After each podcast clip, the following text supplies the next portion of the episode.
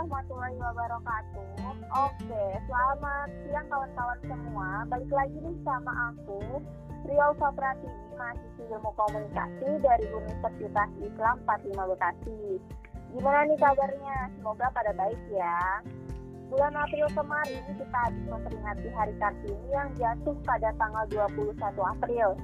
Memang ya, jasa-jasa Raden Ajeng Kartini itu nggak bisa dianggap remeh udah pada tahu dong kalau beliau itu dikenal sebagai pelopor emansipasi wanita. Nah, di zaman sekarang nih, juga banyak tokoh-tokoh wanita yang sangat menginspirasi. Salah satu contohnya adalah Ibu Susi Puji Astuti. Hari ini, aku mau membahas wanita-wanita di Indonesia yang terjun ke politik. Tapi aku nggak sendirian nih, di sini udah ada teman-teman aku, yaitu Lutfian Ratri Handadari dan Meta Maria Hai. aku, mereka juga Hai Mbak. Sama seperti aku, mereka juga merupakan mahasiswa ilmu komunikasi dari Universitas Islam Fatimah Bekasi yang akan menceritakan tokoh wanita favoritnya yang terjun ke politik. Kira-kira udah penasaran belum? Yuk kita langsung aja ngobrol bareng mereka. Halo, apa kabar Vivi dan Meta? Sebelumnya terima kasih banyak ya udah mau meluangkan waktu bersama aku untuk ngobrol bareng nih. Halo, sebelumnya terima kasih Papa atas kesempatan untuk berbicaranya dan kabar baik, Alhamdulillah aku baik kok. Halo Vivi, gimana nih kabarnya? Halo, Alhamdulillah aku juga baik kabarnya. Alhamdulillah ya, kalau gitu semoga kita selalu dalam keadaan sehat dan baik. Langsung Amin. ke pertanyaannya aja kali ya. Boleh, boleh. Pertama-tama, aku mau tanya dulu nih, bagaimana tanggapan kalian tentang perempuan yang masuk di bidang politik? Mungkin bisa dijawab dari Meta. Oh, boleh. Kalau menurut aku untuk perempuan yang masuk di bidang politik itu bagus sih, karena itu merupakan suatu kemajuan dan menyangkut kesetaraan gender. Hal ini ditekankan karena pada realitasnya masih dirasakan adanya kesenjangan antara peranan yang dilakukan oleh kaum pria dan perempuan pada berbagai peran, utamanya pada peran-peran publik.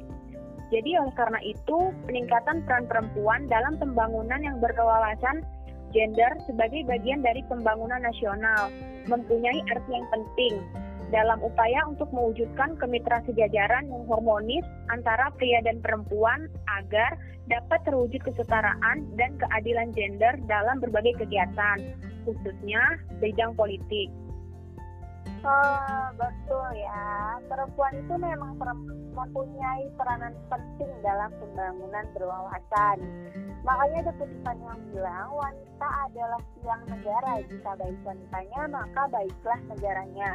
Dan jika rusak wanitanya, maka rusak pula negaranya. Kalau dari Siti sendiri nih, kira-kira apa tanggapannya tentang perempuan yang masuk di bidang politik? Hmm, kalau menurut aku kurang lebihnya sama kayak Meta bilang sih yang tadi.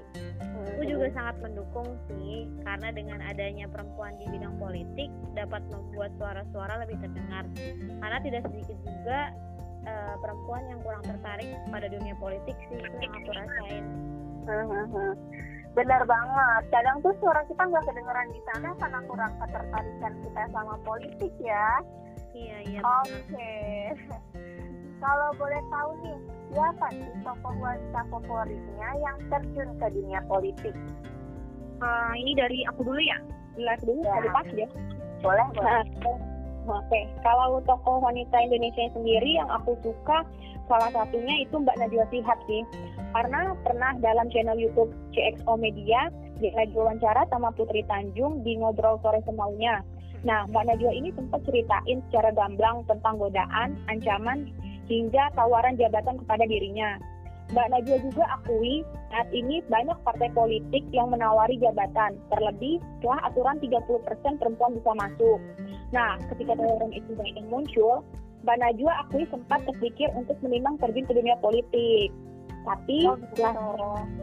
Nah, pernah, tapi kan setelah sekian lama dari banyaknya pertimbangan dan tawaran yang datang, dia juga melihat posisi sekarang di mana eh, menurutnya posisi sekarang itu lebih tepat dan bermanfaat menurut dia. Hmm. Akhirnya setiap kali tawaran itu datang dia selalu merasa lebih baik uh, manfaatnya di posisi sekarang dan sampai tawaran terakhir dia kembali mengingat kayaknya masih lebih banyak manfaatnya deh dari kegiatannya yang sekarang apalagi kan uh, apalagi seperti yang diketahui ya pasti udah tahu semua dong tentang dia kan lagi membangun narasi nah startup yang baru saja dibangunnya itu beberapa tahun ini menurutmu posisinya saat ini lebih memberikan manfaat serta dampak yang besar.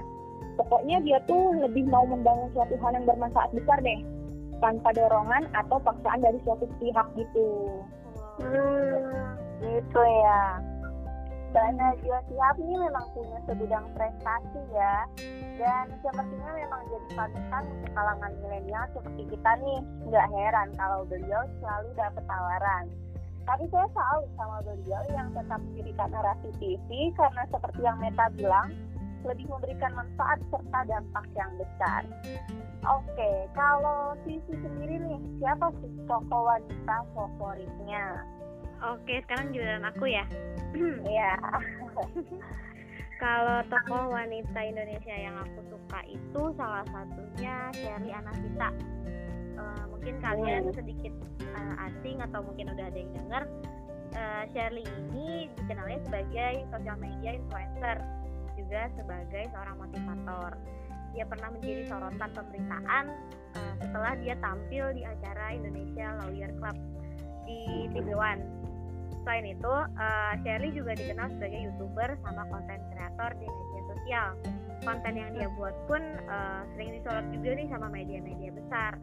Dia tuh aktif dalam memberikan opini serta komentar terhadap masalah-masalah politik dan sosial di Indonesia.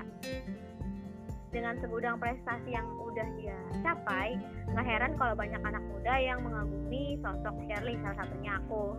Selain itu, Betul. Shirley juga pernah membagikan pemikiran-pemikiran uh, kritisnya di channel YouTube-nya. Gak hanya pemikiran sih, ia juga sering uh, kasih tips dan trik yang berguna buat generasi muda milenial yang sekarang.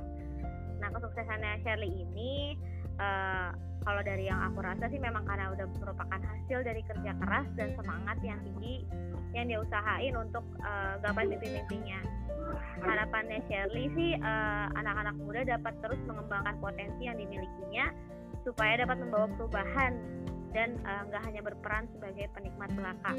Seperti yang pernah ia katakan, target atau goal tidak akan tercipta itu ada dua kemungkinan.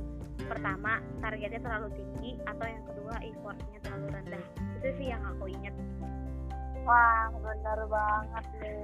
Mbak Shirley memang sering membagikan pemikiran-pemikiran kritisnya di Instagram juga ya, kalau iya, nggak iya. salah ya. Iya, benar. Iya, saya juga ngikutin soalnya. Wah, seru banget ya topik obrolan kita hari ini. Sejujurnya jawaban mereka nih sangat berat untuk saya, tapi nggak apa-apa ya. saya juga sambil belajar di sini dan jawaban mereka yang dari mereka ini mereka bikin saya jadi termotivasi. Oke, karena sepertinya kita udah agak lama nih ngobrolnya. Baru waktunya udah Iya, waktunya udah mepet nih. Terima kasih banyak untuk kawan-kawan yang bersedia dengerin kita ngobrol. Dan terima kasih untuk Vivi dan Meta sudah mau bergabung bersama saya. Sama-sama, terima kasih juga sudah diberikan kesempatan untuk bercerita. Iya, aku tutup obrolan kita yang sangat menginspirasi hari ini. Semoga di lain waktu kita bisa ngobrol bareng ya dengan tema yang lebih seru tentunya. Oke, okay, kalau gitu. Assalamualaikum warahmatullahi wabarakatuh. Sampai jumpa. Wow. warahmatullahi wabarakatuh. Nah,